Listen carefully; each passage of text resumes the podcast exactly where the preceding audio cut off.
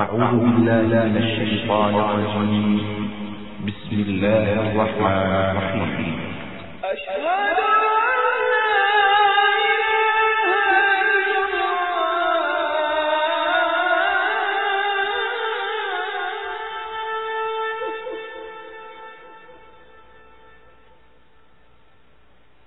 سیرت فاروق اعظم حضرت عمر بن خطاب رضی الله تعالی عنه امیر المؤمنان دومین جانشین سیدنا و حبیبنا محمد صلی الله علیه و آله و سلم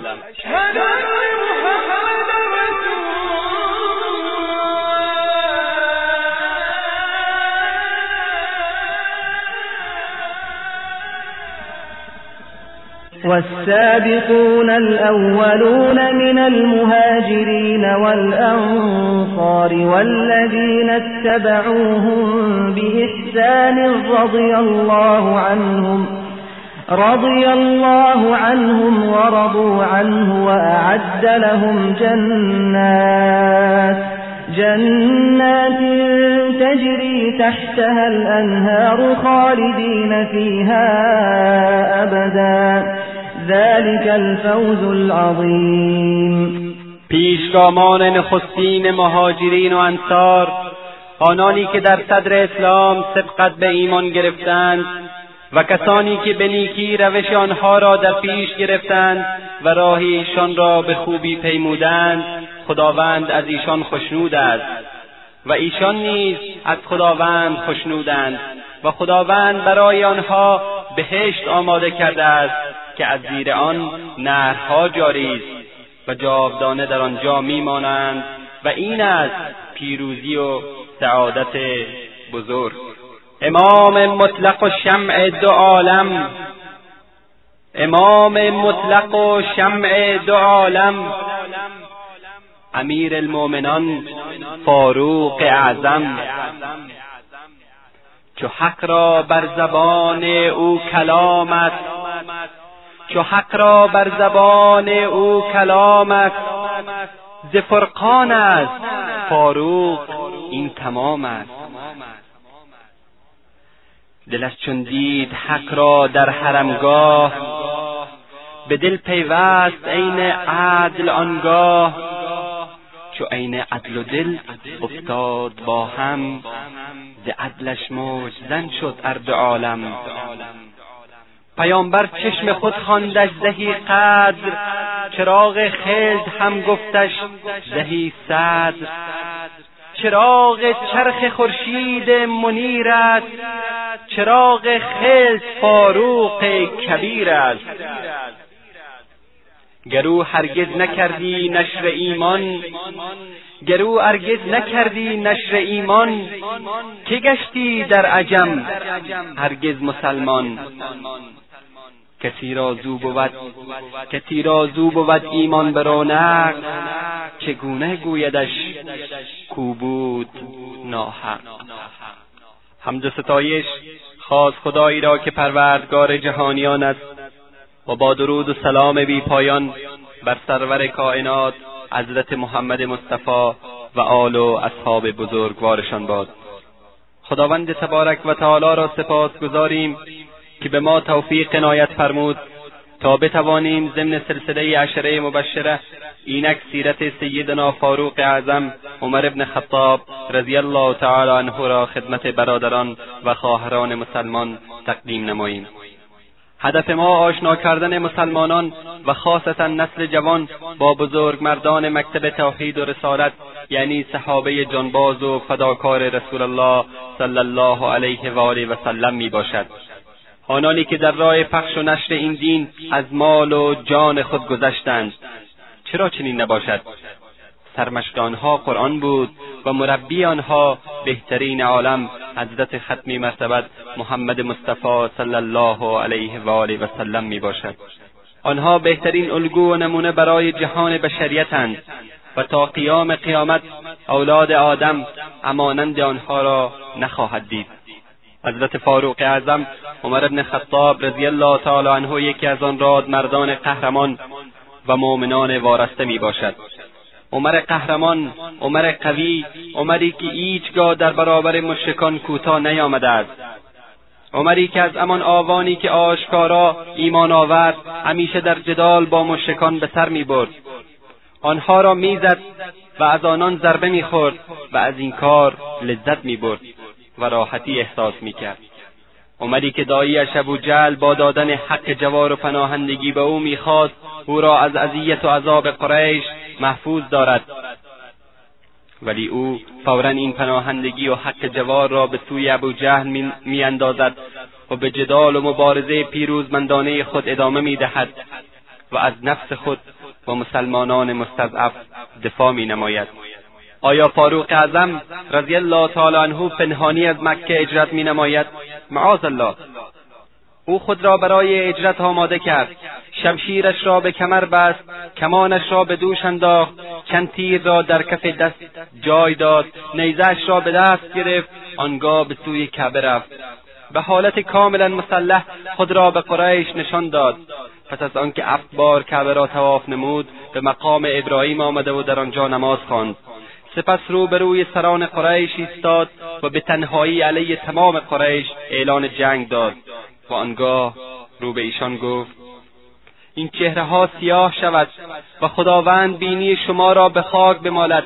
کسی که می‌خواهد مادرش را داغدار کند و بچه آیش را یتیم بگذارد و همسرش را بیوه قرار دهد بیاید تا در خارج این وادی مکه با من روبرو شود. سیدنا علی رضی الله تعالی عنه میفرماید کسی جرحت نکرد او را دنبال کند و عمر رای خود را در پیش گرفت و رفت. فاروق اعظم سیدنا عمر رضی الله تعالی عنه دومین خلیفه رسول خدا صلی الله علیه و آله و سلم بودند. حضرت فاروق اعظم رضی الله تعالی عنه از قبیله قریش و از خانواده اصیل بنی عدی بودند. سلسله نسبشان به واسطه کعب ابن لوی جد افتم حضرت رسول الله صلی الله علیه و آله و سلم که جد نهم فاروق اعظم رضی الله تعالی عنه بوده به رسول خدا صلی الله علیه و آله و سلم می‌رسد. نام پدرش خطاب و نام مادرش حنتمه بنت حشام از خانواده بنی مخزوم قریش بود. کنیه ابو حف و لقبش فاروق می باشد سیدنا عمر رضی الله تعالی عنه سیزده سال بعد از میلاد مبارک رسول الله صلی الله علیه و آله و سلم در شهر مکه متولد گردید. بنابراین سیزده سال کوچکتر از حضرت پیامبر صلی الله علیه و آله و سلم بودند. حضرت فاروق اعظم مانند بقیه افراد خانوادهاش از آوان جوانی به تجارت اشتغال داشت و برای انجام امور تجارتی خود چندین بار به عراق و شام و تا شهر بیت المقدس سفر کردند. حضرت عمر ابن خطاب رضی الله تعالی عنه از خانواده اشراف قریش و در محیط اشرافی آن روزگار بزرگ شدند. لذا از حیث علو نفس و کرامت که حکایت از بزرگواری انسان مینماید در فساحت و بلاغت و رسایی کلام که هر ای را تحت تاثیر قرار می‌دهد و مخصوصا در سراحت لحجه نسبت به اظهار حق و طرفداری از حق نمونه کامل ابناع زمان خود بودند. لذا در نزد اهل مکه و ساکنین خارج شهر مکه احترام و عظمت خاص داشتند. تا آنجا که چه بسا در وقایع مهمی که رخ می‌داد او را به حکمیت برمیگزیدند. زیرا می‌دانستند که جز حق نمی‌گوید. پس چو سیدنا فاروق اعظم عمر ابن خطاب رضی الله تعالی عنه این چنین شخصی بود نباید تعجب کرد که چرا سیدنا و حبیبنا رسول الله صلی الله علیه و آله و سلم امید داشتند که او مسلمان شود. زیرا کسی که در عهد جاهلیت انسان کامل و طرفدار حق باشد فاصله ای نمانده تا به دین حق برسد. و اسلام چنین شخصیتی در پیشرفت اسلام و در تقویت و عزت مسلمین اثری به سزا دارد. پس شایسته بود که سیدنا و حبیبنا رسول الله صلی الله علیه و آله و سلم برای توفیق و اسلام آوردن سیدنا عمر رضی الله تعالی عنه به درگاه خداوند تبارک و تعالی دعا کرده بفرماید خدایا دین اسلام را تقویت بفرما. و مسلمان شدن هر کدام از این دو که در نزد تو محبوب تر باشند. عمر ابن خطاب یا عمر ابن هشام. و دعای رسول الله صلی الله علیه و آله و سلم درباره سیدنا عمر مورد استجابت درگاه پروردگار عالمیان قرار گرفت. داستان اسلام آوردن فاروق اعظم عمر ابن خطاب رضی الله تعالی عنه جالب و شنیدنی است. روزی سیدنا عمر رضی الله تعالی عنه شمشیرش را به دوش گرفته از خانه خارج می شود. تا رسول خدا صلی الله علیه و آله و سلم را هر جا بیابد و قتل برساند. در بین راه اطلاع مییابد که خواهرش و شوهر خواهرش مسلمان شدند. این خبر برای حضرت عمر غیر منتظره بود. او باور نمی‌کرد کسی از خیشان نزدیکش مانند فاطمه بنت خطاب و یا پسرعمش سعید ابن زید شوهر فاطمه مسلمان شود. ولی اکنون به گوش خود شنیده بود. راهش را تغییر داد تا قبل از هر کاری به حساب خواهر و پسرهمش برسد. وقتی به خانه آنها نزدیک شد صدای خواندن چیزی را شنید. وقتی به خانه خواهرش داخل شد از او پرسید این چه بود که شنیدم؟ خوانده می‌شد. خواهرش می‌گوید چیزی خوانده نشده که بشنوی. اما او با گوش خود شنیده بود و انکار خواهرش شک او را به یقین تبدیل نموده بود. به خواهرش می‌گوید خبر یافتم که شما تابع محمد شده اید و دین او را پذیرفته اید. و آنگاه بیدرنگ به سوی سعید حمله می کند فاطمه به طرفداری شوهرش برخواسته به دفاع می‌پردازد. عمر خشمگین گردیده و ضربت سختی به رخسار خواهرش می‌زند که خون آلوده می شود در این انگام خواهرش فاطمه و شوهر او یک صدا شده می‌گویند بله ما مسلمان شده ایم و به خدا و رسولش ایمان آورده ایم. هرچی می‌توانی فرو مگذار. ما خود را تسلیم امر خدای واحد نموده ایم. حضرت عمر رضی الله تعالی عنه که چشمش به رخسار خواهرش افتاد و دید که خون آلوده شده است پشیمان شده و در جایش می نشیند و به فکر فرو می رود و آنگاه از خواهرش می خواهد تا آنچه را که می اند به او بدهد تا بخواند و بداند که آنچه را محمد آورده و تعلیم می دهد چیست. خواهرش می‌گوید که میترسم به ما ندهی. عمر رضی الله تعالی عنه قسم یاد می کند که همین که آن را بخواند پس بدهد. سپس فاطمه درک می کند که برادرش تحول حال پیدا کرده و آثار هدایت و علایم توفیق در وجودش تجلی کرده است و امید است که دین خدا را بپذیرد. لذا ورقه قرآن را که اوایل سوره تاها بود به او می‌دهد و او آن را با ادب از دست خواهرش گرفته و می‌خواند و می‌گوید چه نیک است این کلام و چه گرامی است این بیان. و آنگاه می‌گوید مرا راهنمایی کنید تا به نزد رسول خدا صلی الله علیه و آله و سلم بروم. آن حضرت در این انگام با ای از اصحابشان در خانه ابن ابی ارقم در نزدیکی کوه صفا که محل اجتماعات مسلمین اولین بود جمع شده بودند. عمر رضی الله تعالی عنه به راهنمایی آنها بدانجا شتافته و در می‌زند. به رسول خدا صلی الله علیه و آله و سلم اطلاع می‌دهند که عمر شمشیرش را به دوش آویخته و پشت در ایستاده است و می‌خواهد بیاید. حمزه سید الشهدا این شمشیرزن معروف بنی هاشم عرض می کند یا رسول الله اجازه بفرمایید بیاید. اگر قصد خوبی دارد به یاریش می شتابیم و اگر اراده بدی در دل دارد او را با شمشیر خودش خواهیم کشت. حضرت رسول الله صلی الله علیه و آله و سلم اجازه میفرمایند که بیاید. همین که عمر رضی الله تعالی عنه به خانه وارد میگردد فورا به نزد حضرت رسول خدا صلی الله علیه و آله و سلم شتافته عرض می‌کند. گواهی میدم که تو رسول خدایی. آمدم به نزدت تا ایمان آورم. به خدا و به آنچه که از نزد خدا به تو رسیده است. رسول خدا و مسلمین که در خانه بودند از فرط مسرت و خوشحالی به حدی با صدای بلند تکبیر می‌گویند که صدایشان به گوش اهل مکه که در نزدیک خانه بودند می‌رسد. سیدنا عمر ابن خطاب رضی الله تعالی عنه در سال پنجم یا ششم بعثت طبق شرح فوق به دین اسلام مشرف گردیدند. و چون عدهای مسلمانان در آن انگام از چهل مرد و یازده زن جمعا پنجاه یک نفر بیشتر نبود و به روایتی جمعا شست و شیش نفر جرأت نداشتند در مسجد الحرام علانیه عبادت نمایند. ولی سیدنا فاروق اعظم کسی نبود که دین خود را از کسی بپوشاند و یا از کسی ترسیده عبادت خود را پنهان کند. لذا همین که مسلمان گردید عرض کرد یا رسول خدا چرا دین خود را پنهان می‌کنیم و حال آنکه ما بر حقیم حبیبنا رسول الله صلی الله علیه و آله و سلم فرمودند عده ما کم است یا عمر؟ حضرت فاروق اعظم جواب می‌دهد یا رسول الله قسم به آن کسی که تو را به حق فرستاد نخواهد ماند مجلسی که قبلا در حال کفر در آنجا نشستم مگر اینکه بدانجا روم تا با ایمان بنشینم و ایمانم را برای مردم آشکار سازم.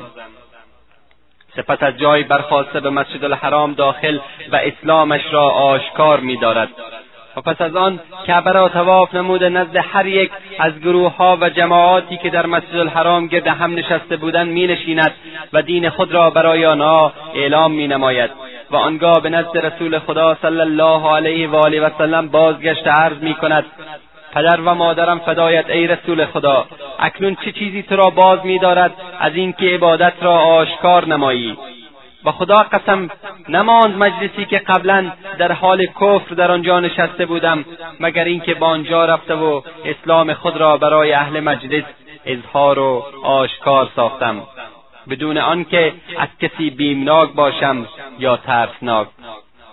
لذا رسول الله صلی الله علیه و آله و سلم بین دو صف از مسلمین قرار می‌گیرند که جلوی صف جنب راستش حضرت عمر رضی الله تعالی عنه و جلوی صف جنب چپش سیدنا حمزه سید الشهدا رضی الله تعالی عنه بودند و بدین گونه به طرف مسجد الحرام حرکت مینمایند.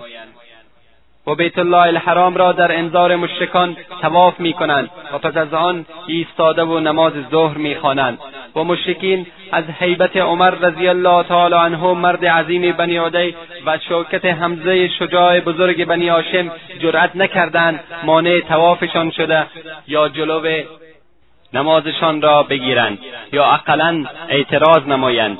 اینجا بود که حضرت عمر رضی الله تعالی عنه این کلمه تاریخی خود را با صدای بلند بر زبان آورد که پس از امروز دیگر خدا را پنهانی نمی پرستیم از اینجا بود که مسلمانان جرأت پیدا کردند و عبادتهای خود را در مسجد الحرام آشکارا انجام می‌دادند.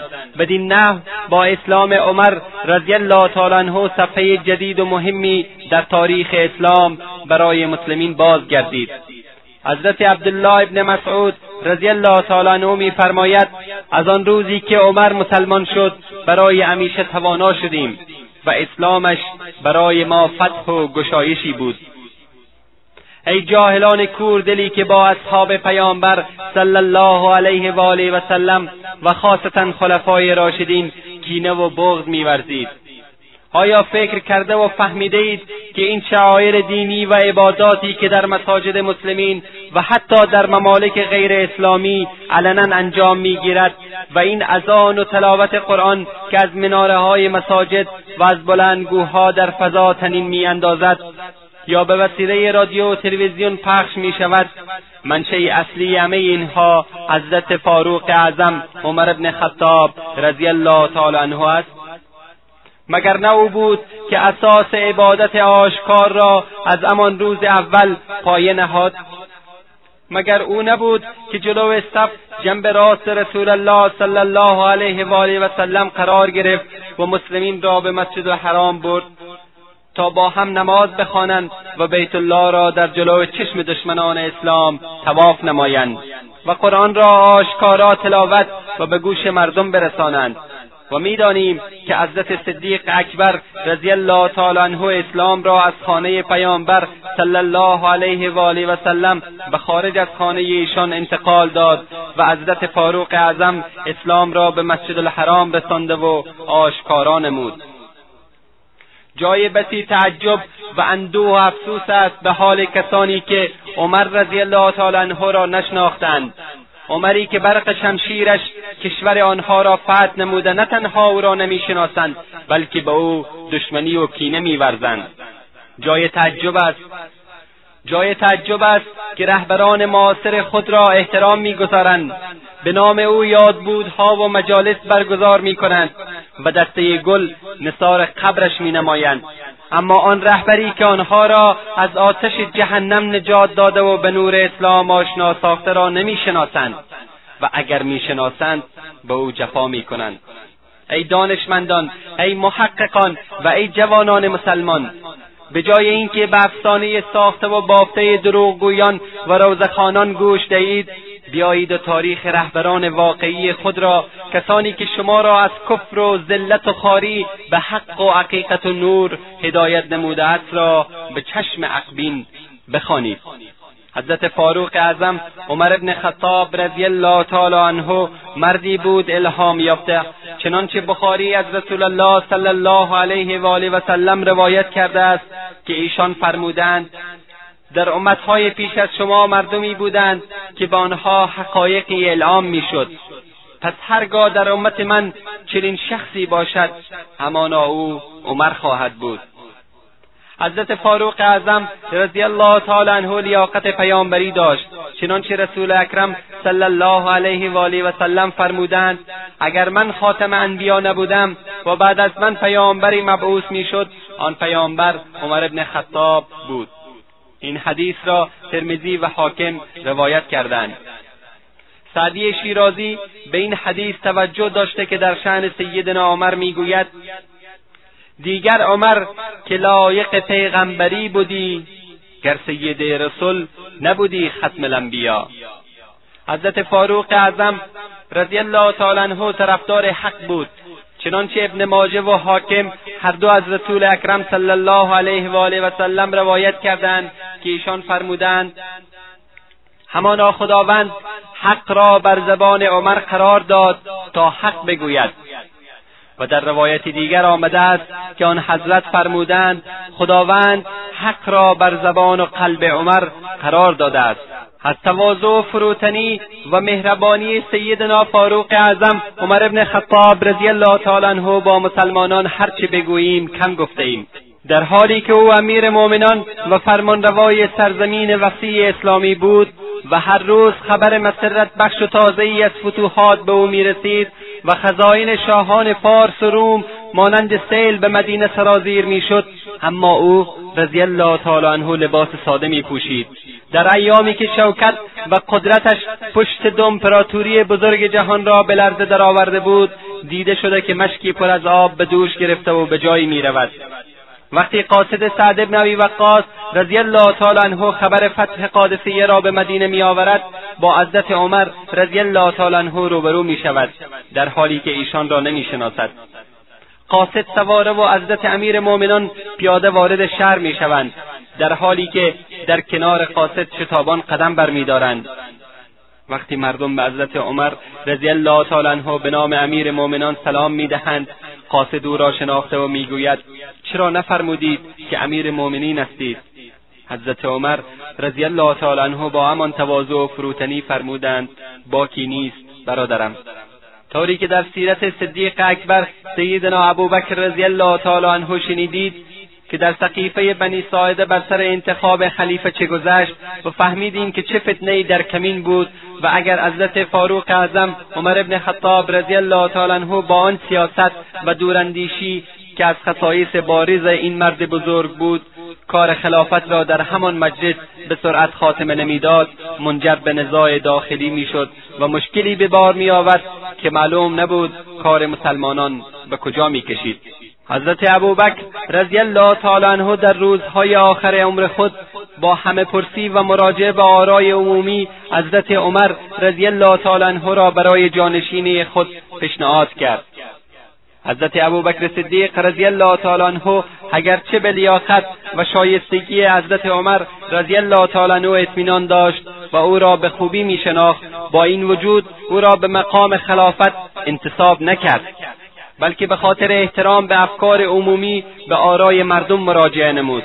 و پس از اینکه از بزرگان مهاجر و انصار نظر خواهی کرد به جانشینی سیدنا عمر رضی الله تعالی عنه وصیت نمود. و متن نامه را در ملع عام برای مردم خواند و به مسجد رفت و خطاب به مردم چنین گفت. من کسی را از میان بستگان و خیشان خود برای به دست گرفتن زمام رهبری شما انتخاب نکردم بلکه منتخب من عمر است. مردم یک صدا جواب دادند. شنیدیم و اطاعت کردیم. و در کتاب اخبار عمر صفحه 61 آمده است که حضرت علی مرتضا رضی الله تعالی عنه فرمودند ما جز به عمر به کسی دیگر راضی نیستیم. نویسنده و حقوقدان معروف شیعه سید امیر علی در کتاب روح اسلام می نویسد ابوبکر قبل از فوت عمر را به جانشینی انتخاب کرد و این مطلب به وسیله عامه مردم از جمله اهل بیت محمد صلی الله علیه و آله و سلم پذیرفته شد. حضرت ابوبکر صدیق رضی الله تعالی عنه به خوبی می‌دانست که فاروق اعظم رضی الله تعالی عنه مردی قوی قاطع و صبور است که توانایی گرداندن چرخ عظیم خلافت و تاب تحمل مشقتهای آن را دارد و می‌تواند در حساسترین بره از تاریخ دین جدید و ملت نوپا را در سپیده دم فتوحات بزرگ رهبری کند. در آن وقت دو ابرقدرت بزرگ تاریخ امپراتوری روم و امپراتوری ساسانی در آستانه سر تسلیم فرود آوردن در برابر حکومت اسلامی بودند. و ثروت و خزاین آنها و اسباب رفاه و جامعه متکبر آنها در شرف انتقال به ملتی بود که از قرنها با زندگی صحرایی و چادرنشینی عادت کرده بودند و با زندگی شهری و تمدن مدرن آن زمان آشنایی نداشتند.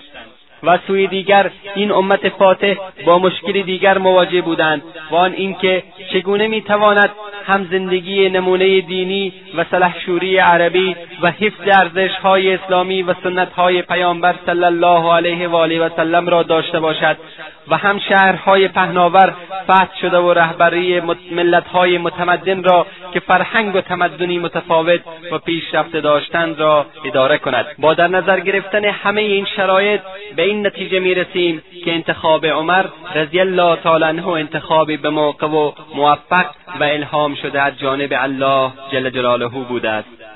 و بدین وسیله خداوند تبارک و تعالی این دین را مورد لطف خود قرار داده و خواسته است. آن را بر تمام ادیان غالب گردانیده و بر جهان پهناور و جامعه های بیمار و قدرتهایی که زمام بشریت را به دست گرفته و آزادی آنها را سلب کرده بودند پیروز بگرداند. سیدنا عمر رضی الله تعالی عنه یگانه هماورد شایسته و امین توانایی بود که در تحقق بخشیدن اهداف اسلام و آرمانهای پیامبر و جانشینی وی بی همتا بود. حضرت عمر رضی الله تعالی عنه محبوبیت خاصی در قلوب مسلمین داشت و در حین حال از چنان ابهتی برخوردار بود که جلو هر گونه خودسری را می‌گرفت که بهترین نمونه آن بر کنار نمودن حضرت خالد ابن ولید رضی الله تعالی عنه از سمت فرماندهی سپاه اسلام بود. آری همان خالد که رسول اکرم صلی الله علیه و آله و سلم او را شمشیر خدا لقب داده بودند. خالد بر اثر فتوحات و پیروزی های پی در پی زبان زده خاص عام بود. حضور او در جنگ ها نشانه پیروزی محسوب می‌شد. بنابراین وجودش را حاله از حس سرافرازی فرا گرفته بود.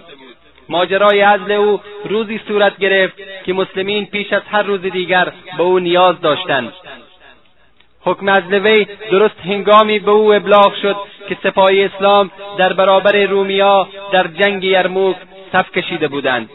حضرت فاروق اعظم رضی الله تعالی عنه این سرباز با نفوذ و متحور را بر کنار نمود و به جایش حضرت ابو عبیده رضی الله تعالی عنه را به فرماندهی لشکر اسلام برگزید.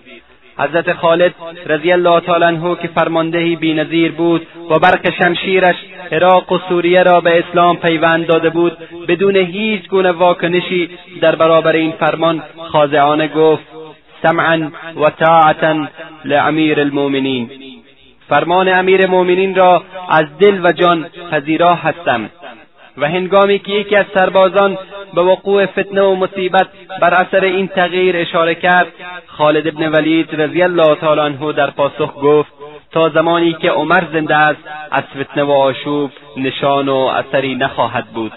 این حادثه از سوی عشق حضرت خالد ابن ولید رضی الله تعالی عنه به حقیقت و تسلیم او در برابر فرمان خلیفه محبوب را نشان می‌دهد که نظیری در تاریخ فرماندهی نظامی ندارد و از سوی دیگر قدرت و شکوه خلافت سیدنا عمر رضی الله تعالی عنه و تسلط او بر اوضاع را به نمایش می‌گذارد.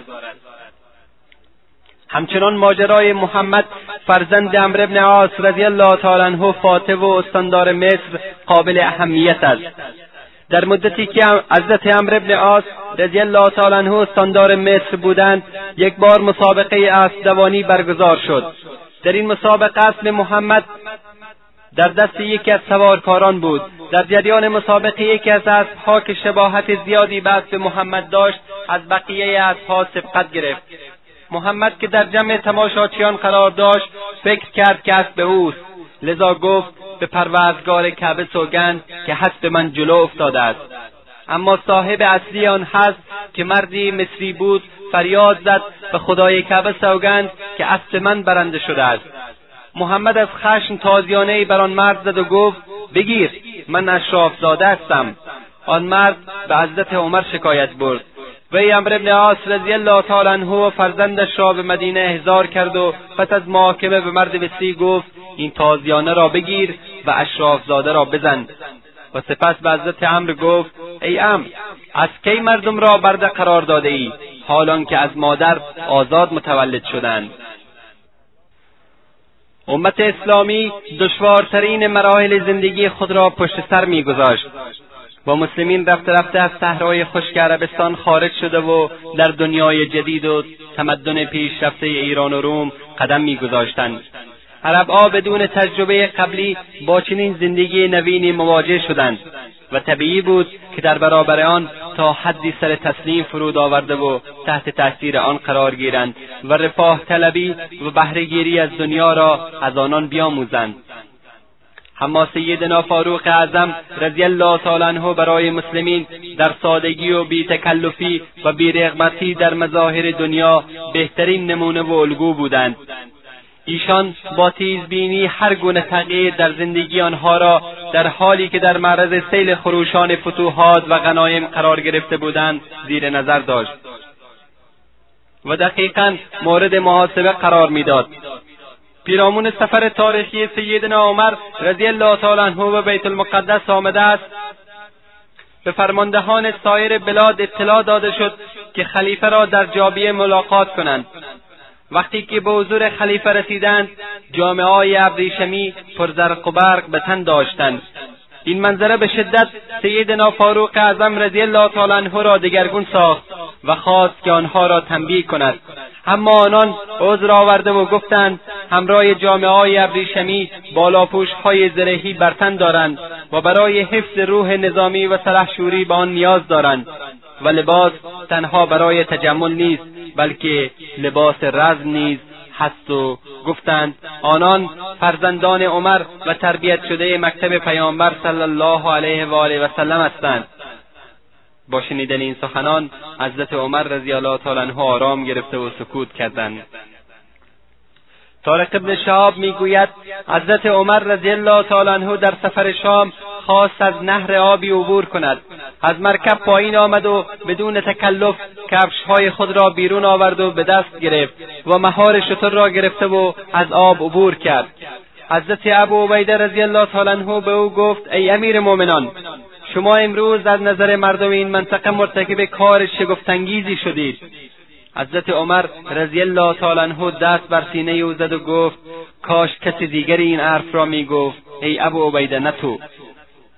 شما عرب کمترین و حقیرترین اقوام بودید. خداوند به وسیله اسلام شما را عزت بخشید و هرگاه جز اسلام به وسیله دیگری طلب عزت کنید ذلیل خواهید شد.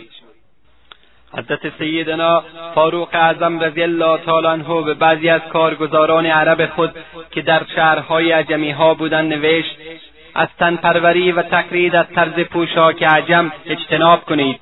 خود را با آفتاب سوزان عادت دهید سخت کوش و مقاوم باشید با لباس درست ساده و عادی باشید تیراندازی و اسب دوانی و سلحشوری را لازم بگیرید. نیز هین گفته که بیان عزم آهنین و نظارت اخلاقی وی است از وی منقول است.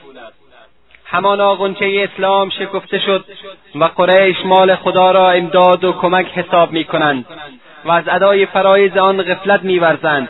آگاه باشید تا عمر زنده است چنین چیزی ممکن نیست. من گردن و کمر مردم قریش را می‌گیرم و مانع افتادن آنها در آتش می‌شوم. نمونه دیگری از سیاستهای حکیمانه و بینش عملی و مردم شناسی او این بود که بزرگان صحابه را در مدینه نگه داشت و از پراکنده شدن آنها جلوگیری کرد و به آنان گفت خطرناکترین ضربه بر این امت پراکندن شما در بلاد دیگر است. او معتقد بود اگر در این باره تساهل شود در کشورهای فتح شده فتنه و آشوب به پا خواهد شد. و مردم گرد شخصیتهای متفاوت جمع شده و سپس درباره آنها شک و شبهاتی ایجاد می شود و در نتیجه گروهها و احزاب گوناگونی تشکیل می شود و این موجب حرج و مرج و بینظمی و چند رهبری می گردد یکی از نویسندگان غربی در وصف فاروق اعظم سیدنا عمر رضی الله تعالی عنه می نویسد عمر بعد از رسول الله بزرگترین فرد در مملکت اسلامی به شمار می آید او به وسیله ذکاوت و استقامت خود توانست در مدت این ده سال مناطق شام مصر و فارس را در برابر قدرت اسلام خاضع گرداند که از آن زمان تا کنون جزو قلمرو اسلام هستند. به رغم اینکه فرمانروای مقتدر مملکت پهناوری بود هرگز فراست متانت و اجرای عدالت در امور کلی و جزئی را از دست نداد. او دوست نداشت خود را با لقبهای بزرگ ملقب گرداند. مردم از ولایات دوردست برای ملاقات خلیفه و امیر مؤمنان می آمدند و از او سراغ می گرفتند و از اهل مسجد سوال می کردند حالان که امیر مؤمنان در مسجد با لباسهای ساده در میان مردم نشسته بود. شبها برای اطلاع از حال بینوایان بدون هیچ نگهبان و پاسبانی از منزل بیرون می‌رفت. و اطراف و جوانب شهر را میگشت. این بود وضع بزرگترین و مقتدرترین انسان در زمانی که ذکر آن رفت. سیدنا فاروق اعظم رضی الله تعالی عنه به جای تخت مرصع و جواهرآگین بر روی خاک می نشست و عوض لباس فاخر که از شرق و غرب به بیت المال سرازیر بود به جامعه وصلدار که پوشاک مفلسترین رعیت او بود بدنش را مستور می نمود و به جای تاج زرین و پر از جواهر پربها که از ایران و روم می آوردند حمامه خشن به رعب و جلالش می افزود با ادنارعیت خود به درجه مساوی می نشست و یک بنده حبشی را برادر مسلم خود می دانست خلیفه بود ولی رنج رعیت را داشت و شبها در کوچه های مدینه میگشت که ضعیفی را حمایت کند و بیوزنی را سرپرستی و یاری نماید. می‌خواست که رعیتش به جای اینکه در مقابل او سر فرود آورند به آین اسلام زندگی کنند. مربی ایتام و غمخوار بیچارگان و مروج عدل و فاتح روم و ایران بود. برای ما هرچند به اختصار و اجمال ممکن نیست تحلیلی در مورد فتوحات بزرگ عهد سیدنا عمر رضی الله تعالی عنه در حمق خاک دو امپراتوری بزرگ که جهان متمدن آن روز را بین خود تقسیم نموده و اداره سیاسی و زندگی مدنی و جهت دادن افکار عمومی را در انحصار خود درآورده بودند داشته باشیم. در این مختصر نمی‌توان به حدود دولت اسلامی یا به تعبیر صحیحتر خلافت راشده اشاره کرد. و به بیان گشودن کشورهای جدیدی که فاتحان قبلی موفق به فتح آنها نشده بودند و تأسیس شهرهای جدید پرداخت زیرا محل تفصیل این وقایع کتابهای تاریخ عمومی اسلام و کتبی است که پیرامون سیره سیدنا عمر فاروق و خلفای راشدین رضی الله تعالی عنهم نوشته شده است. در اینجا گوشه ای از همکاری های سیدنا علی ابن ابی طالب رضی الله تعالی عنه با سیدنا عمر رضی الله تعالی عنه را یادآور می‌شویم. و به بیان رابطه و دوستی مخلصانه و صمیمیت زاید الوصف آنها با یکدیگر و همکاری در کارهای خیر و پیشبرد اهداف خلافت و خیرخواهی آنها می‌پردازیم. نافع عیسی می‌گوید یک بار امرای عمر ابن خطاب و عثمان ابن عفان و علی ابن ابی طالب رضی الله تعالی عنهم به محل نگهداری شتران زکات رفتیم. عثمان رضی الله تعالی عنه زیر سایه نشست و علی رضی الله تعالی عنه در کنار او ایستاد و آنچه را عمر رضی الله تعالی عنه می‌گفت برای عثمان دیکته می‌کرد. اما عمر در آن روز زیر آفتاب سوزان ایستاده و از شتران زکات آمارگیری مینمود. و رنگ و دندان و مشخصات یکایک آنها را پیدا کرده و برای ثبت در دفتر بیت المال به حضرت علی رضی الله تعالی عنه می‌گفت. علی در حالی که از قدرت کار و اخلاص و همانت حضرت عمر رضی الله تعالی عنه به شگفت آمده بود به حضرت عثمان گفت در کتاب خدا از قول دختران شعیب آمده که ای پدر او را استخدام کن چرا که بهترین کسی که می‌توانی استخدام کنی کسی است که قوی و امین باشد. سپس علی رضی الله تعالی عنه با دست خود به سوی عمر رضی الله تعالی عنه اشاره کرد و گفت این است مرد نیرومند و امین. علی مرتضی رضی الله تعالی عنه بهترین مشاور و خیرخواه صمیمی سیدنا عمر رضی الله تعالی عنه و قاضی توانا و حکیمی برای مسائل پیچیده بود. حتی از سیدنا عمر رضی الله تعالی عنه نقد شده که گفتند اگر علی نبود عمر به علاکت می‌رسید. و از پیامبر صلی الله علیه و آله و سلم نقل شده که فرمودند شایسته ترین فرد برای قضاوت علی است.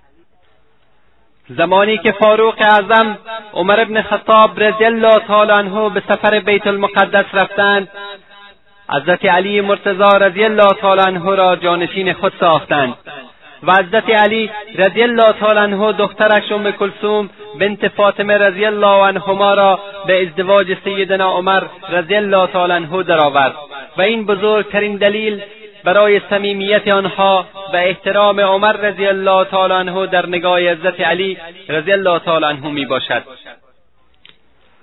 آشکارترین دلیل بر خلوص سیدنا علی رضی الله تعالی عنه برای سیدنا عمر رضی الله تعالی عنه و خیرخواهی صادقانه او برای اسلام و مسلمین موضع او در جنگ نهاوند و مشوره مخلصانه اوست.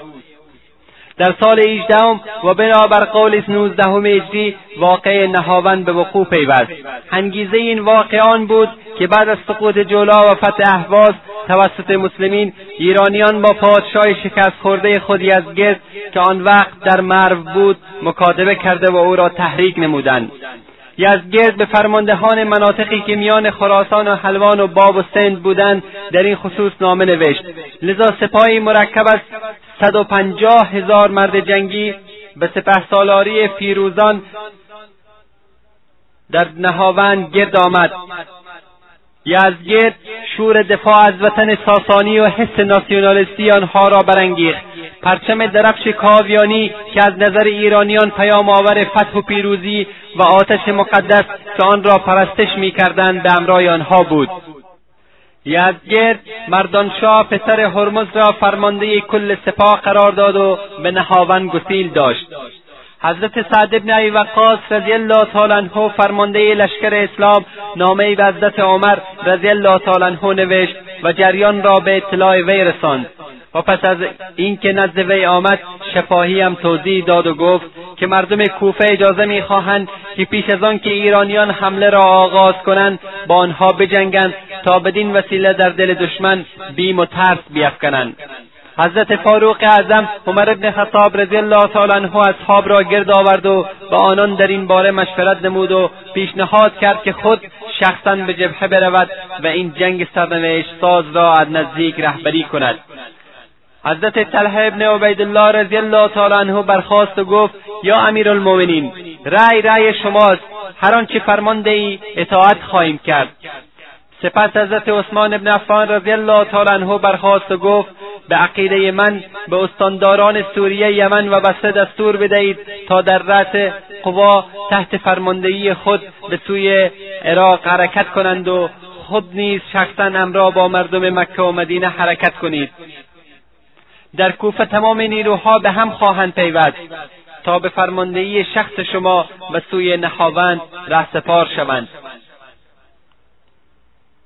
سپس حضرت علی رضی الله تعالی عنه برخاست و با رأی آن دو مخالفت کرد و گفت صلاح نیست شما مدینه را ترک کنید زیرا بقای شما سبب یک پارچگی و عدم حضور شما موجب آشفتگی و تفرق خواهد بود. اعتقاد من این است که شما در مدینه بمانید و به اهل بصره و سایر لشکریان اسلام دستور دهید تا با یک سوم از نیروهای تحت فرماندهی خود به میدان نبرد حرکت کنند.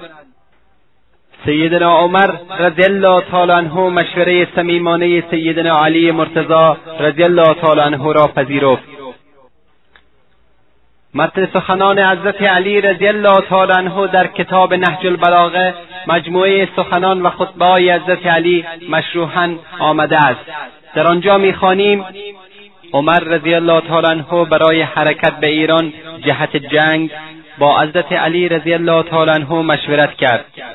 او فرمود پیروزی و شکست این دین به سبب زیادی یا کم بودن لشکر نیست. این دین خداست که آن را بر سایر ادیان پیروز گردانیده و سربازان خدا هستند که خداوند آنها را مهیا ساخته است و کمک فرموده است تا آنکه اسلام رشد پیدا کرد و در خیلی از سرزمین ها نفوذ نمود. خداوند به ما وعده پیروزی داده و به وعدهش عمل می کند و لشکرش را یاری می نماید مکان و موضع رهبر و ولی امر همانند نخ تسبیح است که دانه ها را به هم ربط می دهد و زمیمه یکدیگر می نماید وقتی نخ پاره شد دانه ها پراکنده می شود و هیچگاه در کنار یکدیگر متمرکز نخواهند شد. عرب در عین اینکه اکنون از نظر تعداد کم هستند اما بر اثر وجود اسلام زیاد و بر اثر اتحاد غالب و بزرگوارند. پس تو قطب آسیا باش و آسیای جنگ را به وسیله عرب بچرخان و آنها را به آتش جنگ درار و خودت بمان. زیرا اگر تو از این سرزمین یعنی مدینه بیرون روی این خطر وجود دارد که عربهای اطراف مملکت علیه تو قیام کنند و آنگاه کار به جایی می‌رسد که حفظ و حراست درون مرزها از رفتن به کارزار ایرانیان مهمتر میگردد. دیگران که اگر ایرانیان تو را در میدان جنگ ببینند می‌گویند این رهبر عرب است. اگر او را از بین ببرید آسوده خواهید شد و چنین حالتی برای تقویت حمله آنان و هدف قرار دادن تو بیشتر میگردد. اما آنچه گفتی که ایرانیان به قصد حمله به مسلمانان حرکت کردهاند و از این بابت ناراحتی باید در پاسخ آن بگویم خداوند عزیز و توانا از حرکت آنها بیش از تو ناراحت است. و چنین خدایی بیش از تو قدرت دارد که آنچه را دوست ندارد تغییر دهد. اما آنچه درباره تعداد ایرانیان گفتی باید درباره آن یادآور شوم که ما پیش از این نیز با کثرت سرباز نمی جنگیدیم بلکه ما با یاری و کمک خدا نبرد می کردیم. نهج البلاغه فیض الاسلام خطبه 145 و صبحی ساله خطبه 146 و همچنین انگامی که سیدنا عمر رضی الله تعالی عنه برای رفتن به جنگ رومیان قبل از جنگ یرموک که بزرگترین معرکه های شام و تعیین کننده سرنوشت فتوحات آن سامان بود با حضرت علی رضی الله تعالی عنه مشوره نمودند. رأی حاکی از اخلاص و خیرخواهی ارائه داد. آنگاه که ابو عبیده رضی الله تعالی عنه پیکی به سوی عمر رضی الله تعالی عنه فرستاد و او را مطلع ساخت که نیروهای رومیان دریا و خشکی را فرا گرفته و چون سیل خروشان در حرکتند. حضرت عمر رضی الله تعالی عنه مهاجران و انصار را جمع کردند و نامه ابو عبیده را قرائت نمودند. آنان نتوانستند خود را کنترل کنند و گریه سر دادند و از سیدنا عمر رضی الله تعالی عنه اجازه خواستند تا به جبهه شام بروند و به یاری برادران خود بشتابند. آتش شوق و حماسه مهاجران و انصار در حال فزونی بود که عبدالرحمن ابن عوف رضی الله تعالی عنه پیشنهاد کرد که شخص امیر مؤمنان برای حمایت مجاهدان شام فرماندهی سپاه را به عهده گیرند. در این انگام حضرت علی رضی الله تعالی عنه به مخالفت برخواست و گفت چنانچه در نهج البلاغه سبعی ساله خطبه 133 و فیض الاسلام خطبه 134 ذکر گردیده است که حضرت علی رضی الله تعالی عنه فرمودند خدا عزت مسلمانان و پوشاندن عیب ها را تعهد کرده است. خدایی که مسلمانان را در عین اینکه کم بودند و کسی از آنان حمایت نمی‌کرد پیروز گردانید زنده است و هرگز نمیمیرد. اگر تو خود به جنگ دشمن بروی و با آنان به نبرد بپردازی و شکست بخوری پناگاهی برای مسلمانان در نقاط دور دست باقی نخواهد ماند. بعد از تو مرجعی نخواهد بود که به او مراجعه کنند. بنابراین مردم جنگ دیده و دلیر برای نبرد آنان اعزام گردان و به امراهی او کسانی را روانه کن که طاقت سختی جنگ را داشته و اندرزگو باشند. اگر خدا پیروزش گردانید همان خواست توست و اگر شکست خورد تو پناگاه مردم و گرداننده کارهای مردم باش. واضح است که اگر حضرت علی رضی الله تعالی عنه نسبت به حضرت عمر رضی الله تعالی عنه سوء نیتی می داشت یا قلبا از او ناراض بود و او را غاصب حق خود می‌دانست همواره منتظر فرصتی برای اعاده حق خود می‌شد. و برای از بین بردن غاصب حق خود از این فرصت طلایی استفاده می‌کرد و او را راهنمایی می‌کرد که شخصا به میدان نبرد برود و در آنجا کشته شود یا اینکه کسی را برای کشتن او مأموریت می‌داد تا هیچ گونه مسئولیتی متوجه او نگردد و زمینه برای خلافت وی فراهم آید. اما می‌بینیم که چگونه با دلسوزی و صمیمیت فوقالعاده در راستای خیرخواهی عمر رضی الله تعالی عنه و سایر مسلمین میکوشد. همانا مشورت او از عمق جان برخواسته و حقا که چنین پیشنهادی جز از قلبی پاک و بیغرض و از مرد بلند همت و آینده نگری صادر نمی شود. حقا که حضرت علی رضی الله تعالی عنه چنین بود و این عمل از آزاده چون او شگفتآور نیست. خداوند او را از سوی اسلام و مسلمین شایسته ترین پاداش ها را که به دوستان مخلص خود می‌دهد عنایت فرماید. ولی برعکس انگامی که مسیحیان از سیدنا عمر رضی الله تعالی عنه خواستند تا شخصا به بیت المقدس رفته و قرارداد صلح را امضا کند و کلیدهای مسجد الاقصا را تحویل بگیرد.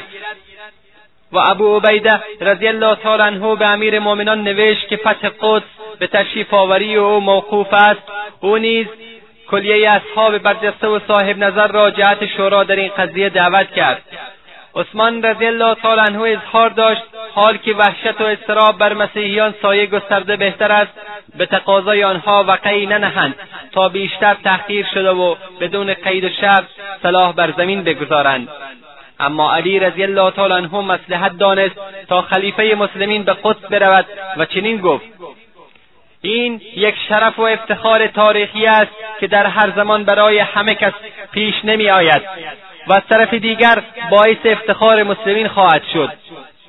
عمر رضی الله تعالی عنه نظر او را تایید کرد و مقدمات سفر را به بیت المقدس فراهم نمود و در غیاب خود علی رضی الله تعالی عنه را به جانشینی خیش منصوب و انجام کلیه وظایف مربوط به خلافت را به عهده وی گذاشت و خود در ماه رجب سال شانزدهم هجری مدینه را به قصد شام ترک گفت. شاید تصور نمایید که امیر مؤمنان عمر ابن خطاب رضی الله تعالی عنه که نامش پشت امپراتور روم و ایران را به لرزه در میآورد با چه شکوه و جلال و طی چه تشریفاتی به سوی فلسطین حرکت کرده است؟ و موقعیت نیز چنین چیزی را ایجاب می‌کرد تا ابهت خلیفه مسلمین در قلوب تثبیت شود. ولی واقعیت این است که عمر رضی الله تعالی عنه مظهر اخلاق اسلامی و نابود کننده امتیازات فردی و قومی بود. حرکتش ساده و بیالایش از مرکبهای آزین بسته و مجلل خبری نبود و دستههای سوار نظام با لباس فاخر ورودش را خبر نمی‌دادند. امیر المؤمنین در حالی که بر شتر خاکستری رنگی سوار بود وارد شهر جابیه شدند. پیشانی و جلوی سرش زیر آفتاب می درخشید نه تاجی بر سر داشت نه کلاه و نه مامهای. زین سواریش چادر پشمی بود که هرگاه سوار می‌شد زین مرکب و هرگاه پیاده می‌شد زیرانداز و بستر او بود. چمدان یا ساک دستی او پوستین یا پارچهای بود که کنارههایش از لیف درخت خرما انباشته شده بود. که هم چمدان مسافرتش بود و هم به انگام استراحت متکا و بالش به حساب میآمد. پیراهنی پنبهای به تن داشت که بر اثر شتاب در راه پاره شده بود. امیر مؤمنان کار ترمیم و شستن پیراهن خود را به کشیش آن محل سپرد و پیراهنی به آریه گرفت. کشیش که سخت تحت تاثیر عظمت روح و بزرگواری فاروق اعظم عمر ابن خطاب رضی الله تعالی عنه قرار گرفته بود با دست خود پیراهنش را وصله زد و به امراه پیراهن تازه و فاخر کتانی دیگر به عنوان هدیه تقدیم خلیفه اسلام کرد.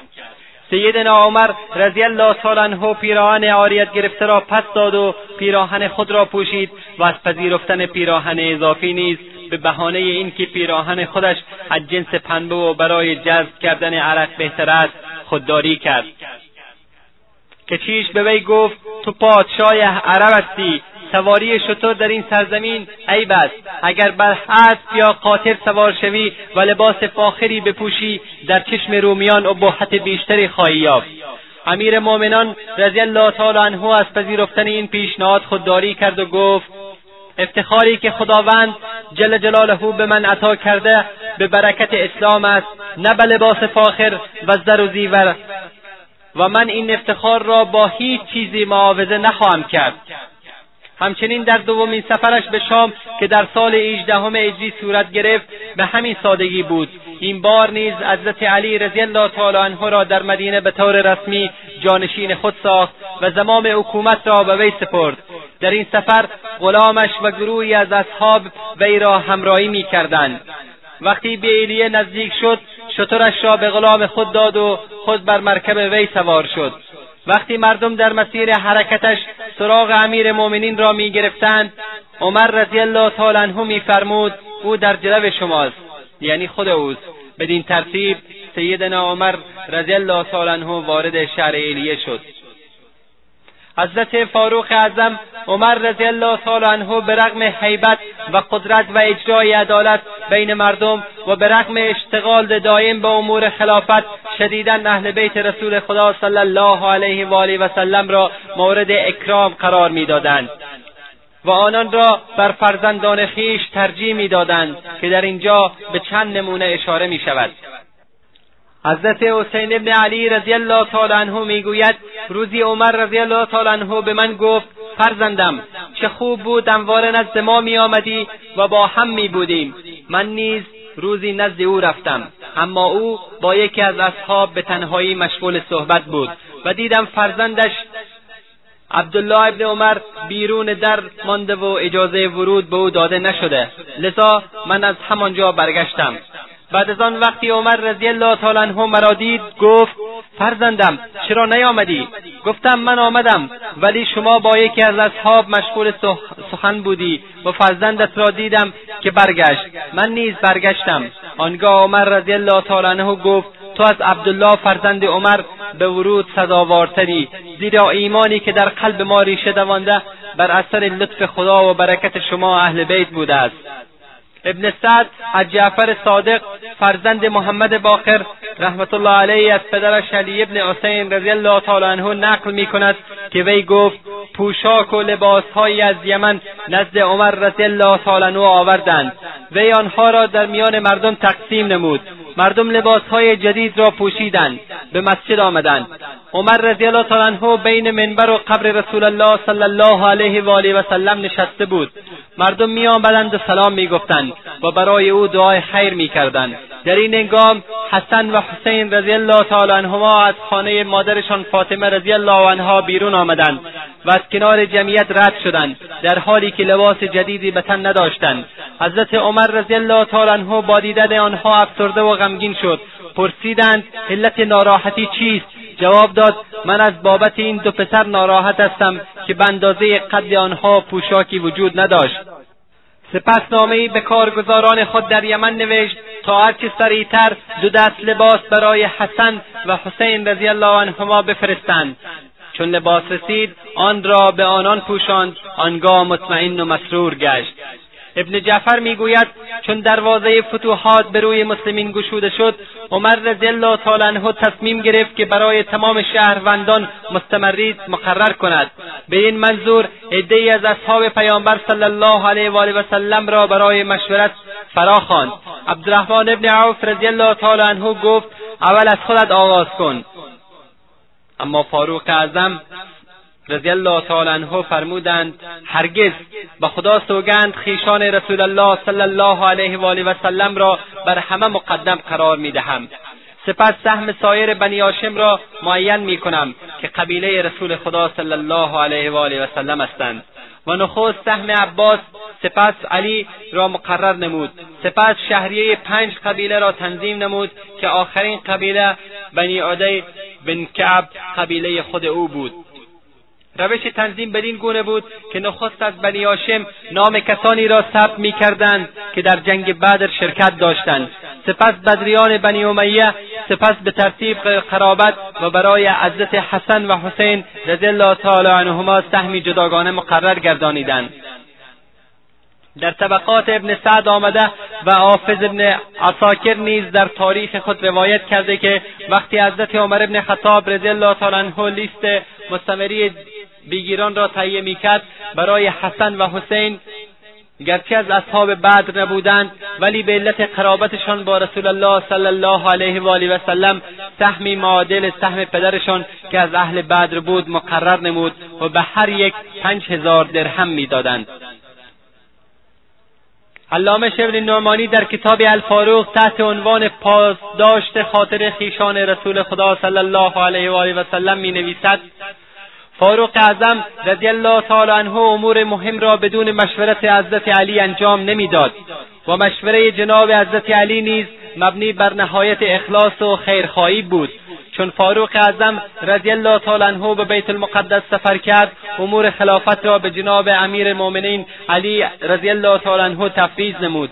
رابطه دوستی و اطاعت بین آن دو به حدی مستحکم بود که حضرت علی رضی الله تعالی عنه دخترش ام کلثوم را که از بطن فاطمه رضی الله تعالی عنها بود به حواله نکای فاروق اعظم رضی الله تعالی عنه درآورد. و یکی از فرزندان خود را به نام عمر نامگذاری کرد. همان گونه که یکی را به نام ابوبکر و دیگری را به نام عثمان نامید. پروازه است که انسان فرزند خود را به نامهای محبوب و پسندیده و با نامهای کسانی که آنها را الگو و نمونه می‌داند نامگذاری می‌کند. از جمله یادگارهای همیشگی و اقدامات پسندیده حضرت فاروق اعظم رضی الله تعالی عنه که تاریخ و امت اسلامی پایدار خواهد ماند تنظیم و تعیین مبدع تاریخ اسلامی است. مردم عرب تا قبل از اسلام و صدر اسلام تاریخ معینی نداشتند تا برای تدوین حوادث تاریخ قید کنند. در زمان حضرت عمر رضی الله تعالی عنه برای ضبط حوادث و مراسلات و غیره در مورد تعیین تاریخ نظرات متفاوتی وجود داشت. حضرت فاروق اعظم رضی الله تعالی عنه اهل شورا را جمع کرد و از آنان نظرخواهی نمود. عدهای گفتند شیوه اهل فارس را عملی کنید که تولد یا تاجگذاری شاه را مبدع تاریخ قرار می‌دهند. عدهای به تقلید از رومیان رأی دادند. برخی گفتند روز تولد رسول خدا صلی الله علیه و آله و سلم و عدهای دیگر گفتند سال روز بهزت آن حضرت صلی الله علیه و آله و سلم مبدع تاریخ قرار گیرد. حضرت عمر رضی الله تعالی عنه تمام این آرا را با ذکر دلیل رد نمود. آنگاه حضرت علی رضی الله تعالی عنه پیشنهاد کرد که تاریخ هجرت رسول خدا صلی الله علیه و آله و سلم از مکه به سوی مدینه مبدع تاریخ اسلامی قرار گیرد.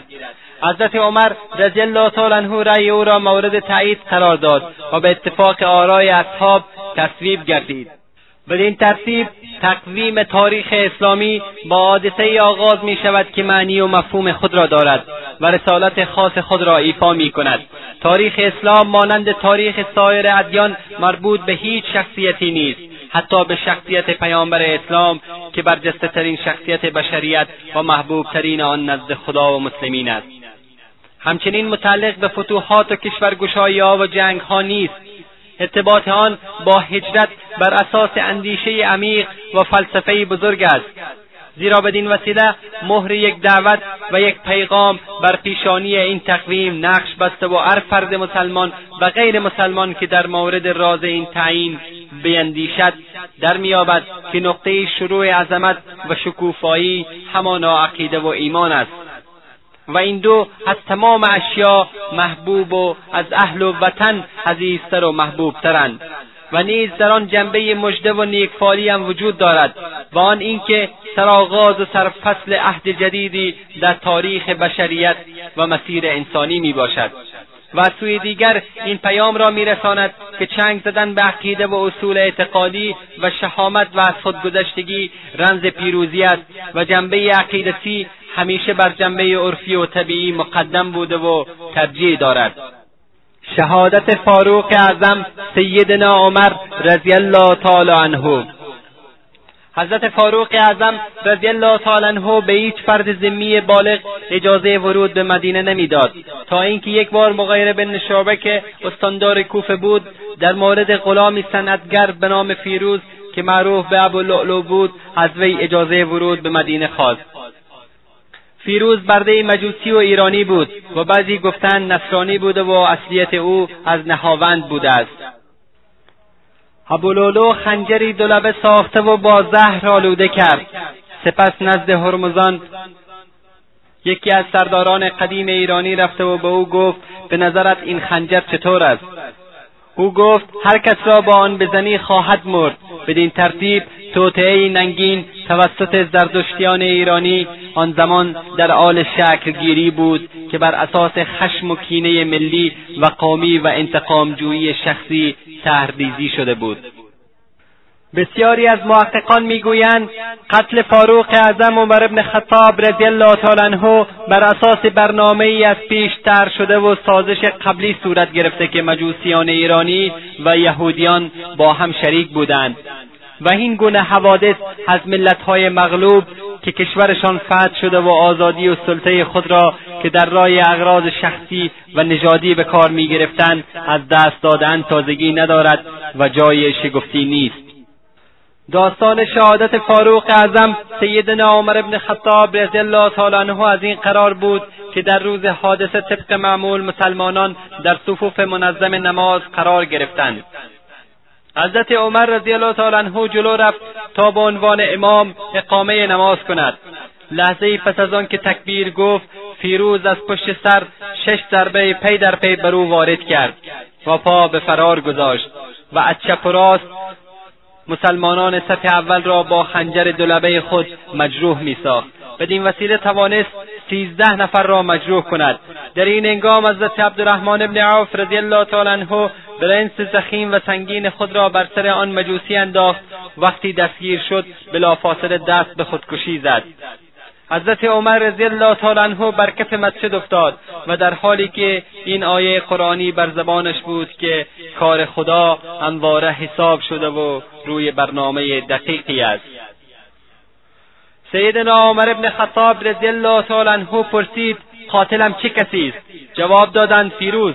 فرمود خدا را شکر که قاتل من فردی است که در حضور خدا حتی با یک سجده که برای خدا انجام داده باشد نمی‌تواند با من طرح دعوا نماید. یقین می‌دانستم هیچ فرد عرب و مسلمانی سوء قصد نسبت به من نداشته است. سپس به پسرش عبدالله گفت سلام مرا به ام المؤمنین عایشه رضی الله عنها برسان و بگو عمر کسب اجازه می کند تا در کنار دو یارش پیامبر خدا صلی الله علیه و آله و سلم و ابوبکر صدیق رضی الله تعالی عنه دفن گردد. هنگام اجازه خواستن کلمه امیر مؤمنین را به کار نبر. زیرا من از امروز به بعد امیر مؤمنان نیستم. عبدالله وقتی به حضور عایشه رضی الله تعالی عنها رسید متوجه شد که ایشان نشسته و گریه می‌کنند. عبدالله سلام و پیام عمر رضی الله تعالی عنه را ابلاغ کرد. عایشه رضی الله تعالی عنها گفت من در نظر داشتم این محل را برای خود نگه دارم. ولی عمر را بر خود ترجیح میدم و عبدالله به سوی پدر بازگشت. عمر رضی الله تعالی عنه مشتاقانه پرسید چه خبر آوردی؟ عبدالله عرض کرد خبری که شما را بسیار خوشنود میگرداند. عمر رضی الله تعالی عنه گفت الحمدلله این بزرگترین آرزوی من بود. سپس به عبدالله توصیه کرد که بعد از وفات مرا در تابوتی بگذارید و بر در خانه ام المؤمنین بایستید و مجددا از او اجازه بخواهید و بگویید عمر اجازه می‌خواهد اگر اجازه دادند مرا در کنار پیامبر صلی الله علیه و آله و سلم و ابوبکر رضی الله تعالی عنه به خاک بسپارید و الا به گورستان عمومی مسلمانان برگردانید. زیرا میترسم اجازه او به خاطر رعایت مقام و موقعیت من بوده است. وقتی جنازه وی را برای دفن به دوش کشیدند مسلمین چنان دچار اندوه شدند که گویا هرگز قبلا به چنین مصیبتی گرفتار نشدند. چون به در خانه رسیدند در آنجا توقف نموده و اجازه خواستند. ام المؤمنین عایشه صدیقه عفیفه رضی الله تعالی عنها فرمود به سلامتی وارد شو و به این ترتیب در محلی که خداوند می‌خواست در کنار پیامبر صلی الله علیه و آله و سلم و ابوبکر صدیق رضی الله تعالی عنه دفن گردید.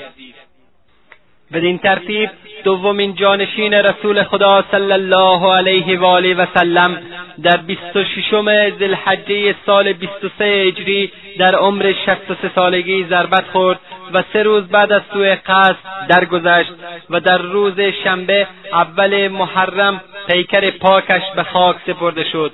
دوره خلافت پربارش ده سال و شش ماه و چهار روز بود. ابو جحیفه می‌گوید من شاهد بودم که حضرت علی رضی الله تعالی عنه بعد از وفات عمر رضی الله تعالی عنه تشریف آورد و چادر را از چهرهش برداشت و گفت رحمت خدا بر تو باد ای ابو حفص به خدا سوگند اینک بعد از رسول خدا صلی الله علیه و آله و سلم غیر از تو ای عمر کسی باقی نمانده که من از خدا بخواهم نامه اعمالم مثل نامه اعمال او باشد. سیدنا علی رضی الله تعالی عنه هنگام وفات عمر میگریست. پرسیدند به چه جهت این همه گریه می‌کنید؟ جواب دادند به خاطر مرگ عمر گریه می‌کنم.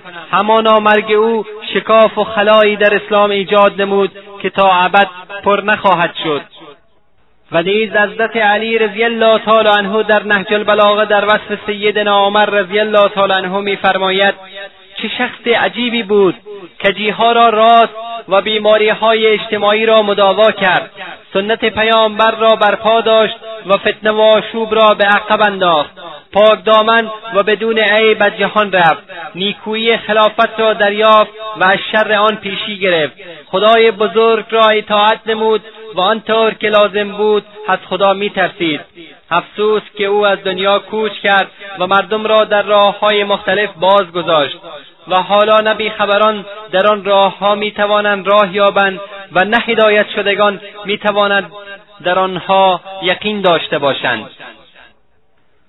آنچه شنیدید گوشه ای از زندگی صمیمانه و محبت بین اصحاب رسول الله صلی الله علیه و آله و سلم بود.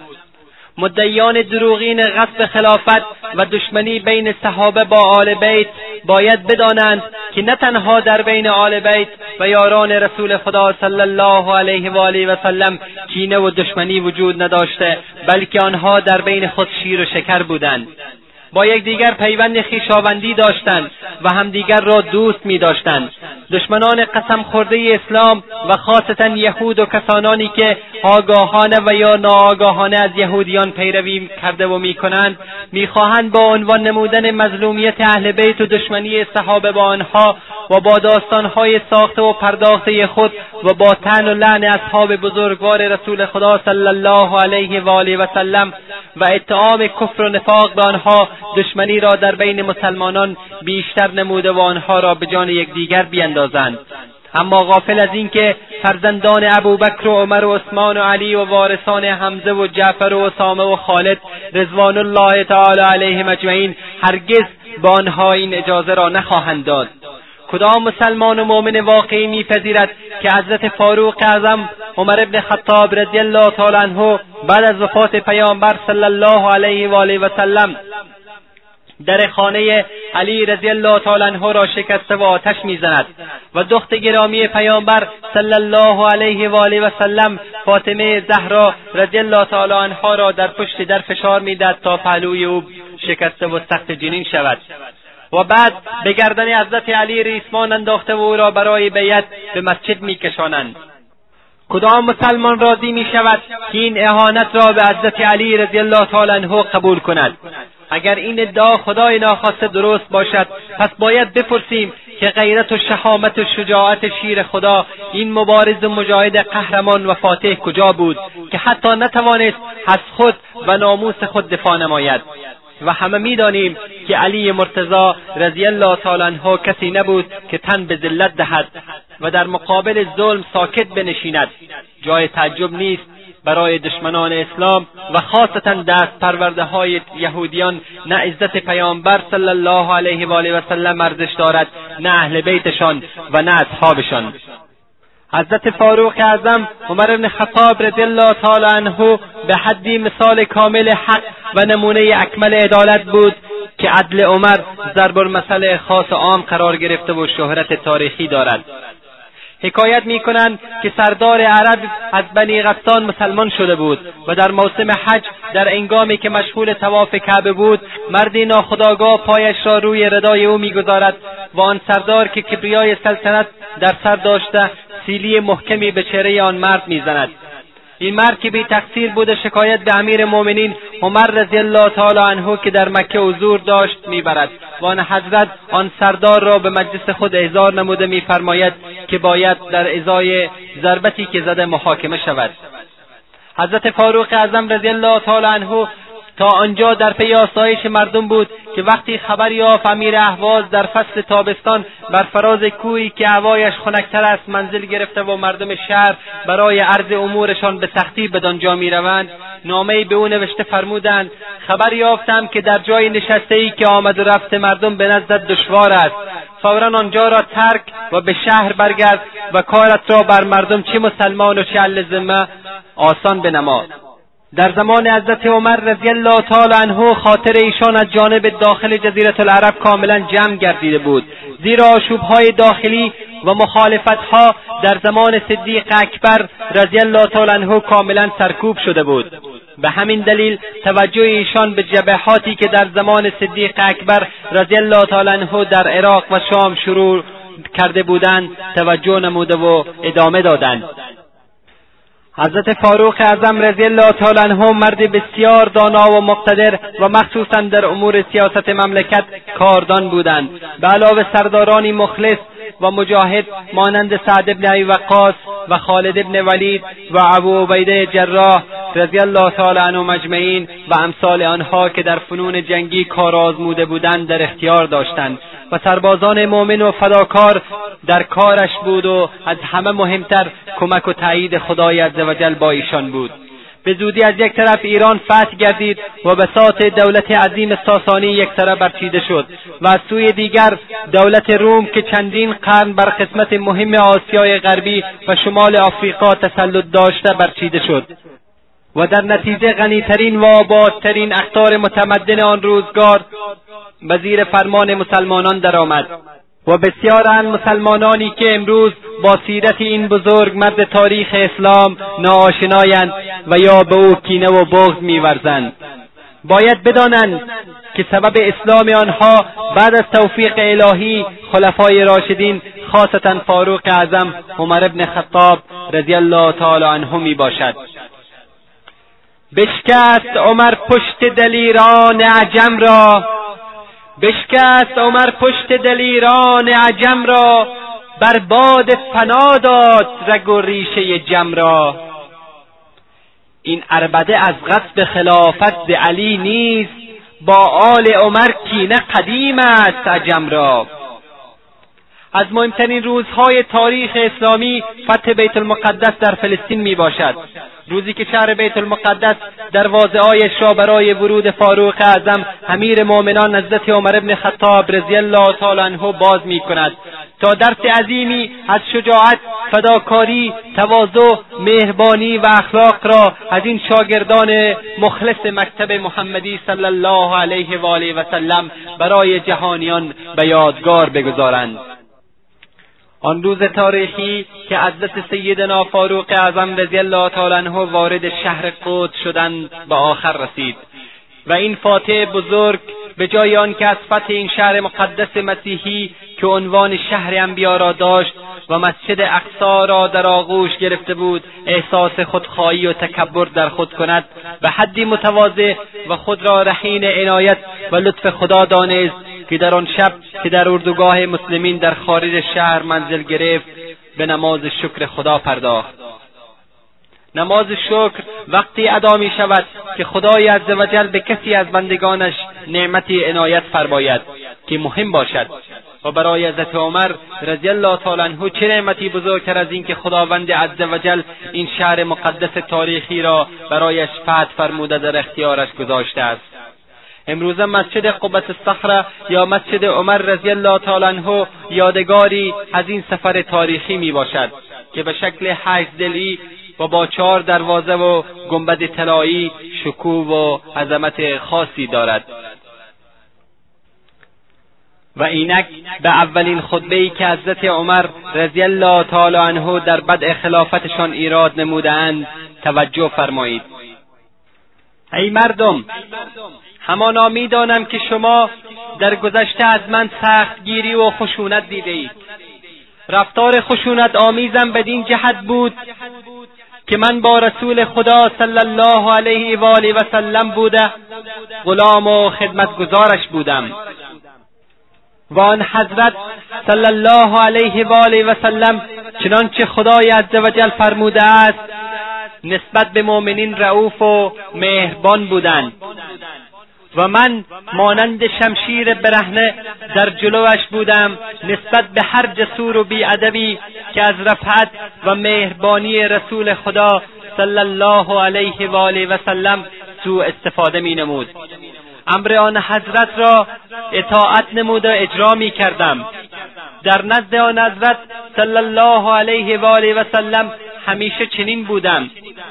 تا آنگاه که خدای عزوجل او را از دنیا برد. در حالی که او از من راضی بود و من از این بابت خدا را می ستایم و خود را خوشبخت می دانم بعد از رسول خدا صلی الله علیه و آله و سلم نزد ابوبکر خلیفه رسول الله صلی الله علیه و آله و سلم نیز چنین بودم. و چنان که می‌دانید او شخص آرام و در کارش نرمش نشان می‌داد. لحاظا من مانند شمشیر از نیام کشیده در جلوش بودم.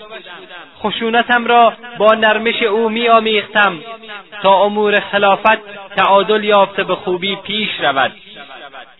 همراه ابوبکر این چنین بودم تا آنکه خدا او را از دنیا گرفت در حالی که از من راضی بود و خدا را از این بابت شکر می کنم و خود را از این حیث نیکبخت می دانم اکنون پس از ابوبکر خلافت به من رسیده و می‌دانم که بعضی می‌گویند در گذشته با آنکه امور ما در اختیار کسی دیگر بود بر ما سخت می‌گرفت. پس اکنون که خلافت به خودش رسیده و امور ما مستقیما در اختیارش قرار گرفته چه خواهد کرد؟ بدانید که شما برای شناختم نیازی ندارید که از کسی بپرسید. زیرا مرا به خوبی شناخته و آزموده خدا را سپاس گذارم که از محمد صلی الله علیه و آله و سلم پیامبرمان فهمیدم آنچه را که باید بفهمم. بدانید که آن شدت و خشونتم که دیده اید اکنون چند برابر شده است. ولی فقط نسبت به ستمگران و برای گرفتن حق ضعفا و ناتوانان از اقویا و توانگران. و من جز در این مورد رخسارم را بر زمین می نهم در مقابل پاک دامنان و پرهیزگاران. ای بندگان خدا از حقاب خدا بترسید و مرا در امر به معروف و نهی از منکر و در اجرای آنچه که خدا از امورتان به من تفویض فرموده است کمک و یاری کنید و همه خیرخواهم باشید. هر کس به تاریخ زندگی حضرت عمر ابن خطاب رضی الله تعالی عنه کمی دقت کند می‌فهمد که حکمت الهی در کار بوده که آن بزرگوار بر مسنت خلافت خاتم الانبیا صلوات الله و سلام علیه بنشیند. تا شریعت مقدس اسلام در اثر نفوذ کلمه و شخصیت او به خارج شبه جزیره راه یافته منتشر شود. و عدالت اجتماعی مطابق دستورات و تعالیم آن شریعت مقدسه در اثر احتمام آن بزرگوار در بین کلیه طبقات و شعوب مردم در داخل و خارج شبه جزیره عربستان نه با گفتار بر عملا و به طور مساوات اجرا شود. شنیدیم که حضرت عمر فاروق رضی الله تعالی عنه چگونه قوای فرمانروایان مشهور آن جهان را در هم کوبید. و بر ممالک بزرگ آن روزگار تسلط یافت و خود به جای آنها نشست و احکام کتابهای کونه استبدادی آن فرمانروایان جبار را که بر مبنای تبعیض طبقاتی قرنها بر سر کار بود دور افکند و قرآن خدا را به جای آن کتابهای پوشالی و احکام عادله دین خدا را در جای آن احکام استبدادی زیانبخش استوار فرمود. کاخ تمدن عظیمی که سنگ اساسی آن با دست مبارک حضرت رسول خدا صلی الله علیه و آله و سلم گذارده شد و حضرت ابوبکر صدیق رضی الله تعالی عنه در عهد خلافتش روی آن کار کرد. حضرت فاروق اعظم رضی الله تعالی عنه آن را به توفیق پروردگار به کمال رسانید. و نتیجتا یک انقلاب سیاسی که کفیل سعادت جامعه انسانی بود در جهان اسلام به وجود آورد. اگر کسی به امور مهمی که حضرت فاروق اعظم رضی الله تعالی عنه موفق شد در عهد خلافتش انجام دهد و دیده انصاف نگاه کند از آن خواهد کرد که آن بزرگوار آید صفات و ممیزات یک فرمانده و رهبر مقتدر و مجرب بودند. در آنجا در آن اتاق کوچکی که رسول خدا و سید العالمین صلی الله علیه و آله و سلم مدتها در آن وحی دریافت می‌کردند و از آنجا نماینده ها را به نزد رؤسا و پادشاهان میفرستادند. در آنجا به عبادت و پرستش خدا مشغول می‌شدند. همان اجرهای که بارها و بارها اجتماع اصحاب را به خود دیده است و بارها جبرئیل در آن نازل گردیده است. و بارها بهترین و زیباترین و گواراترین صفحات تاریخ در آن برشته تحریر در آمده است. در آنجا در جلو آن اجره شریف دستعای مهمانان مسلمانان از تمام اطراف زمین برای همیشه می آیند در نهایت ادب و احترام می‌گویند السلام علیک یا رسول الله. السلام علیک یا ابابکر السلام علیک یا عمر. این مهمانان تا روز قیامت تمام نمی‌شوند و سکوت نخواهند کرد. پروردگارا از تو عاجزانه می‌خواهیم که دلهای ما را با نور ایمان منور گردانی و محبت خود و پیامبر و تمام خاندان و صحابه جانبازش را در قلبمان جایگزین نمایی. خدایا تو اولیا و دوستانت را به شدت دوست میداری و ما را به دوستی با آنان سفارش کرده ای و فرموده ای که اگر کسی با آنان دشمنی کند تو با او اعلان جنگ می‌کنی. پس خدایا همه مسلمین را از دشمنی با یاران جانباز پیامبرت نجات بده. و در قلب هیچ مسلمانی نسبت به آن ستارگان درخشان آسمان هدایت کینه و عداوت قرار مده که ما انسانهای ناتوان تحمل عذاب تو را نداریم. من المؤمنین رجال صدقوا ما عاهدوا الله عليه فمنهم من قضى نحبه ومنهم من ينتظر. وما بدلوا تبدیلا در میان مؤمنان مردانی هستند که با خدا راست بودند در پیمانی که با او بستند. برخی پیمان خود را به سر بردند و برخی نیز در انتظارند. آنان هیچ گونه تغییر و تبدیلی در عهد و پیمان خود ندادند. یعنی کمترین انحراف و تزلزلی در کار خود پیدا نکردند.